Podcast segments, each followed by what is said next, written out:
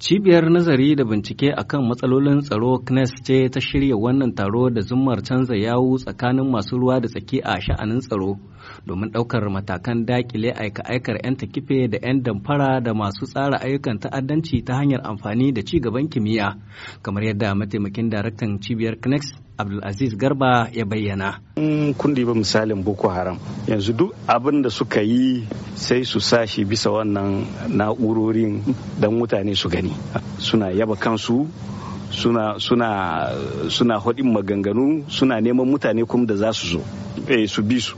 Kun ga duk wannan yana kamo matsala tunda wataran ba gaskiya suke hudi ba farfagandi ne suke yi.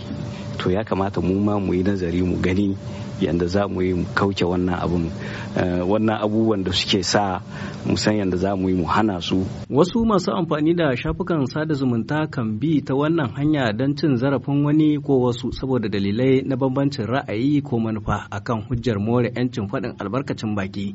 Sai dai ƙwararru a wannan taro na ganin lokaci yayi da za a ɗauki matakin takawa wannan ɗabi'a burki ba dan an baka inci za ka taki incin wani.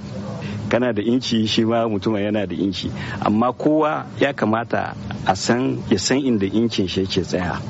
Eh ba dan an bani inci ban san ka ba baka sani ba in zo in shiga rayuwarka in shiga rayuwar iyalinka in shiga rayuwar ina bata su ina zage-zage. Wannan wannan ba inci ba ne. Duk wannan za mu yi nazari mu gani me ya kamata. Za dai a gabatarwa hukumomin Nijar shawarwarin da aka tsayar a wannan haɗuwa don ganin an tsara dokokin da za su ba da damar saka tsari a fannin amfani da na'urorin zamani da shafukan sada zumunta a wannan ƙasa. Har ma wataƙila ya zama abun koyi ga ƙasashen sahel in ji dr oswald padunu ko da yake ci gaban kimiyya na haddasa illoli masu tarin yawa a fannoni da dama ta wani ɓangare amfani da na'urorin zamani da hanyoyin sadarwar intanet na matuƙar samar da ci gaban jama'a. Saboda haka daraktan fadar shugaban ƙasar nijar minista uhumud muhammadu ya gargaɗi mahalarta wannan taro da su yi la'akari da wannan batu.